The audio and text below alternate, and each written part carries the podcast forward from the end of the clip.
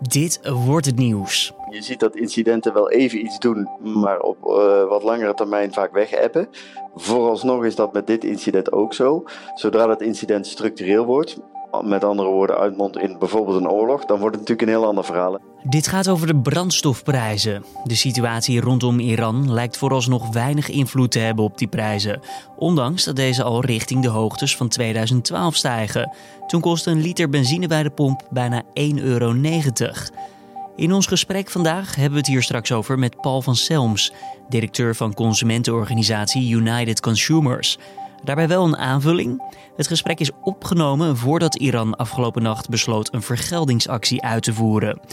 Daar nu eerst meer over. Mijn naam is Julian Dom en het is vandaag woensdag 8 januari 2020. Iran heeft afgelopen nacht een vergeldingsactie uitgevoerd. Zeker twee militaire basissen zijn geraakt door raketten. Het is onduidelijk of de actie levens heeft geëist. Volgens de Iraanse minister van Buitenlandse Zaken, Javad Zarif, is de aanval een reactie op de Amerikaanse droneaanval, waarbij generaal Qassam Soleimani om het leven kwam. Zarif laat verder weten dat Iran niet uit is op escalatie of oorlog, maar dat het land zich wel verdedigt tegen elke vorm van agressie. De Amerikaanse president Donald Trump tweette daarna So far so good. Ook laat Trump weten woensdagochtend Amerikaanse tijd met een statement te komen. Ander nieuws uit Iran. Een Oekraïense Boeing 737 is neergestort nabij de Iraanse hoofdstad Teheran. Aan boord zaten 180 mensen. Het toestel steeg op van Imam Khomeini Airport om 12 over 6 ochtends Iraanse tijd. Twee minuten later verdween dit toestel van de radar. Een oorzaak voor de crash is nog niet bekend. Reddingswerkers zijn naar het toestel gestuurd. Zodra er meer bekend is over het incident, lees je dat op nu.nl. De hele week zal er geen reclameblok te zien zijn voorafgaand aan de nieuwe talkshow Op 1. Het ontbreken van reclame is een actie om het nieuwe programma een zet in de rug te geven tegenover Jinek, dat nu op RTL 4 wordt uitgezonden. Na maandagavond leek het alvast weglaten van de reclame een eenmalige actie. Maar na overleg tussen de Ster en de NPO werd besloten om de hele week geen reclame voorafgaand aan het programma te laten zien. Door geen reclame uit te zenden kon op 1 net iets eerder beginnen dan Jinek. RTL 4 reageerde daar dinsdagavond weer op door Jinek al rond kwart over tien te laten starten. En dat was dan weer net iets eerder dan het reclameloze op 1.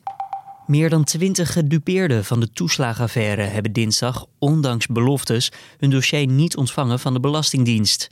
Aan de ouders was in november beloofd dat zij uiterlijk 7 januari inzage zouden krijgen in hun dossier. Volgens de minister is gebleken dat deze termijn niet realistisch is. Bij eerdere verstrekte dossiers waren grote delen zwart gelakt. En dat moet nu anders, laat minister van Financiën Wopke Hoekstra weten. Als nieuwe datum wordt nu 1 maart genoemd. Zanger Jordan Roy zou Nederland dit jaar vertegenwoordigen op het Eurovisie Songfestival in Rotterdam.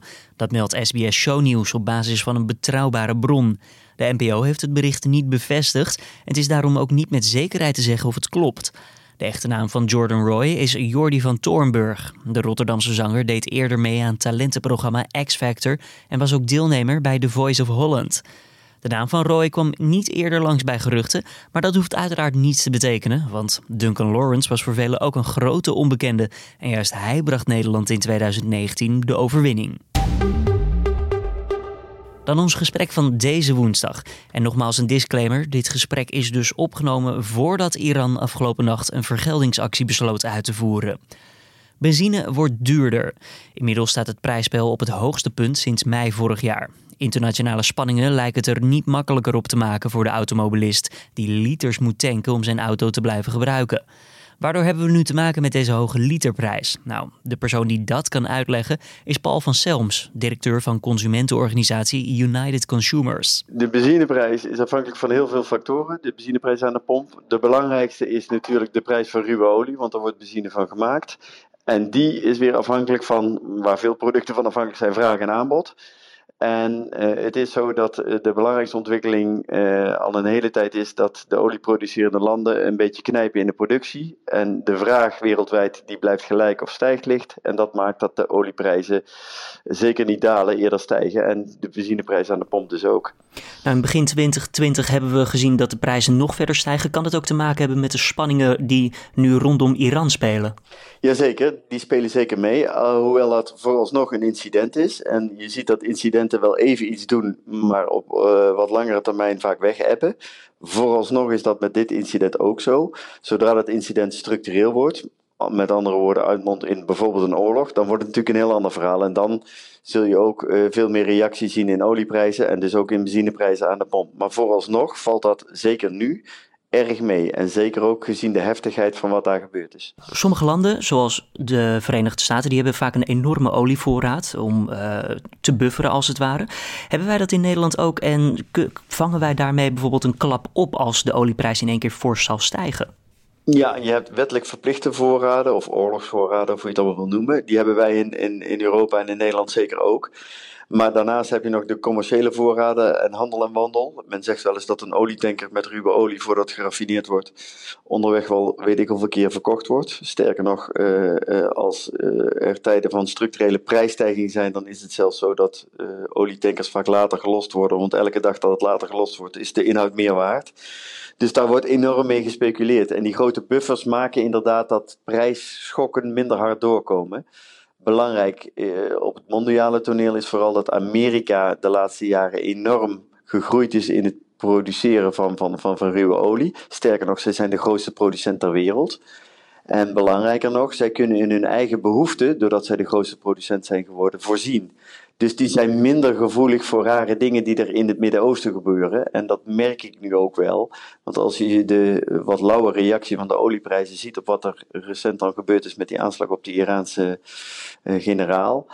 Dat zou vroeger denk ik anders geweest zijn. Uh, nu zie je daar maar heel weinig reactie in, in de olieprijs. Ja, naast uh, Iran is ook de situatie in Venezuela, ook een groot olieproducent, ook niet al te ideaal. Hoe, wat, wat betekent dat ja, als we toch een korte blik op de toekomst moeten werpen, ziet het er dan nog wel rooskleurig uit voor de automobilist? Jawel, ik denk dat uh, om, omdat het zo'n wijdverbreid product is uh, en omdat het niet in één land zit, die olieproductie. Hè. Je hebt natuurlijk een paar landen die produceren heel veel, maar dat, het is best verdeeld en er is ook stiekem nog heel veel. En het is ook relatief goedkoop. Dat het de prijs zo hoog is, ligt aan de overheid, zeker in Nederland. Dus ik denk dat er nog meer toekomst als menigeen uh, denkt uh, zit in, in, in, in brandstoffen en dus ook in autorijden. En ik geloof niet dat dat heel snel heel veel duurder zal worden. Uh, ondanks alle milieuperikelen en, en, en milieuontwikkelingen. Natuurlijk zetten die, zich, zetten die zich door, maar zelfs al zou de brandstof, uh, ik noem maar iets, twee kwartjes duurder worden, alles wendt. En zelfs dat uh, zou acceptabel kunnen zijn. Vergeet ook niet dat andere bronnen van energie, hè, gas uh, en elektriciteit, ook in prijs stijgen. Ja, in Nederland betalen we wel het meeste van alle Europese landen aan de pomp, lijkt het. Klopt. Uh, de brandstoffen in Nederland zijn vrij hoog in de prijs. belangrijkste oorzaak is dat de Nederlandse overheid met allerlei belastingen en heffingen, accijnzen, BTW, uh, heffingen in de zin van voorraadheffingen en ook nog andere zaken zoals uh, snelwegstations die extra rechten moeten betalen. En dat maakt de benzine niet goedkoper, sterker nog. Twee derde van de benzineprijs, flauw gezegd 1 euro, gaat naar de staatskas en heeft niks met de prijs van ruwe aardolie te maken. En als we naar Europa kijken, Nederland nogmaals een van de duurste landen, misschien wel het duurste land momenteel qua tanken. Uh, is er niet een rol weg voor Europa om dat misschien meer gelijker te trekken of zit er iets aan te komen? Ja, dat zie je al meer. Dat harmoniseren van, van, van prijzen en regelingen en wetten. Niet alleen op brandstofgebied. Maar dat gaat langzaam. Uh, voor de consument is dat toch uh, een redelijk gevoelig iets als je daaraan tornt. En op het moment dat de landen die goedkoper zijn meer moeten gaan betalen, dan hebben de consumenten daar moeilijk mee. Dus België is een mooi voorbeeld waar langzaam de prijzen wat meer naar een hoger niveau getrokken worden. Uh, maar dat ligt best gevoelig, dus dat gaat niet heel snel. Maar het ligt dus eerder dat de prijzen hoger worden getrokken in landen waar het goedkoper is, dan dat wij een lagere prijs zullen zien om meer op hun niveau te komen. Ja, ik denk dat dat een goede samenvatting is. Ten meer ook omdat elke overheid en ook de Nederlandse overheid nooit met minder kan minder belastinginkomsten bedoel ik dan. Eh, eh, het lijkt desondanks niet alsof we minder tanken ondanks die hogere prijzen. Heeft u enig idee of er ja, wel een soort keerpunt is waarop mensen de auto laten staan vanwege die stijgende kosten? Mm, ja, uh, ik denk dat mobiliteit, en zeker met de auto en zeker in de winter als het regent, een soort eerste levensbehoefte is. Dus daar zullen mensen niet snel of als laatste op bezuinigen. Nou ja, dat zie je ook wel. Uh, mensen blijven gewoon auto rijden. Um, of daar een keerpunt of een omslagpunt in is, dat zal zeker zo zijn. Maar ik denk dat daarvoor de brandstof nog veel, veel duurder moet worden. En zelfs al zou die een recordprijs uh, aantikken van, uh, laten we zeggen, 1,90, want dat is, de benzine, dat is het benzineprijsrecord uit 2012 dan denk ik nog niet dat mensen de auto zullen laten staan. Dan noemde u het al eventjes, dat die recordprijs uit 2012. Zitten we wel in een soortgelijke situatie zoals toen? Ja, het is natuurlijk moeilijk vooruitkijken. Dat kan niemand en dat wil ik ook eigenlijk niet doen. Feit is wel dat elk jaar uh, je een dynamiek ziet, als ik het zo mag zeggen, van uh, een, een range van 20 cent waarin die prijs aan de pomp op en neer kan gaan. En uh, nou, als we uitgangspunt nemen dat de prijs nu zeg maar 1,82 is, de adviesprijs aan de pomp, dan kan soms aan de pomp wat korting gegeven worden, maar los daarvan. En je telt daar die 20 cent bij op, ja, dan zit je daar ruim overheen. Maar ja, dat is geen wet van mede en persen dat dat gaat gebeuren. Daar kun je echt niks over zeggen. Helaas, was, was dat maar zo inderdaad. Uh, dan nog eventjes het grote verschil tussen tanken aan de snelweg en tanken bij een onbemand station. Dat kan soms ook wel ja, 10, 20 cent per liter schelen. Kan dat betekenen dat er aan de snelweg wel meer concurrentie zal komen om ja, de prijs daar enigszins te drukken en toch de aanvoer van nieuwe automobilisten uh, op peil te houden? Ja, dat verschil uh, tussen snelwegstations en stations die niet aan de snelweg liggen, en dan maakt het niet eens uit of dat bemande of onbemande stations zijn, is al veel minder groot dan vroeger. Uh, er zijn ook steeds meer stations aan de snelweg, zeker niet alle die daar korting geven, maar stations aan de snelweg moeten het vooral hebben van zakelijk verkeer.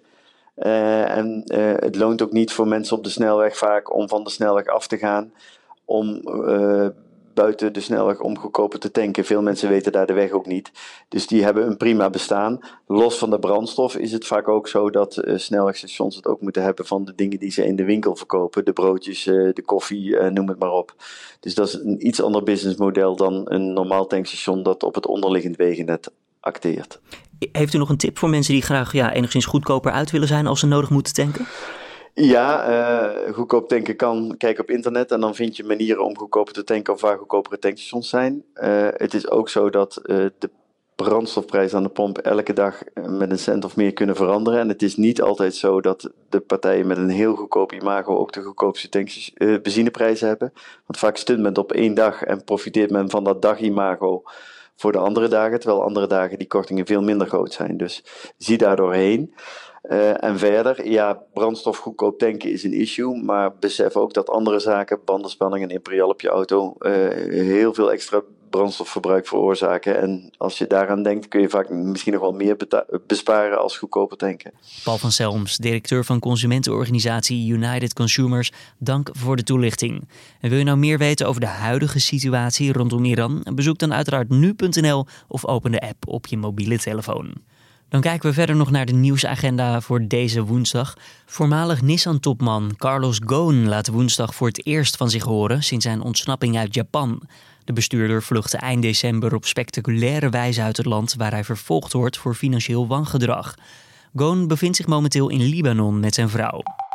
Keith Bakker staat voor de rechter in een proforma-zitting. De voormalig hulpverlener en presentator werd vorig jaar opgepakt op verdenking van seksueel misbruik.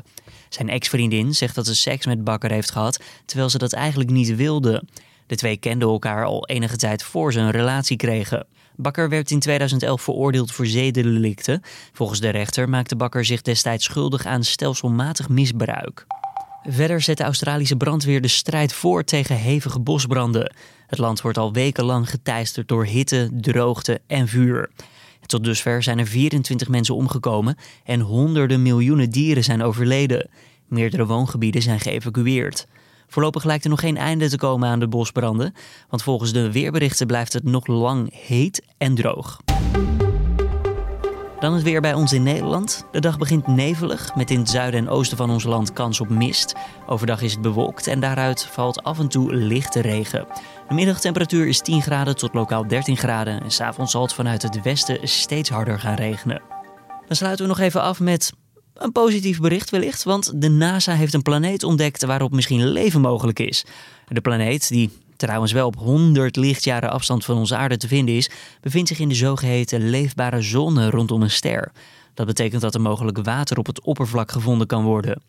NASA heeft de plek ook een naam gegeven, TOI 700D. De planeet is bijna een kwart groter dan de aarde en draait in 37 dagen rondom zijn ster. Met andere woorden, een jaar op die planeet duurt slechts 37 dagen. Nou, mocht je je oud voelen, dan moet je maar zo denken: blij dat ik niet op Toy 700D leef. Dit was dan de Dit Wordt Het Nieuws ochtendpodcast van deze woensdag, de 8e van januari. Tips of feedback zijn zoals gezegd altijd bij ons welkom via podcast.nu.nl. Dan wens ik je voor nu een hele fijne woensdag. Mijn naam is Julian Don en tot morgen weer.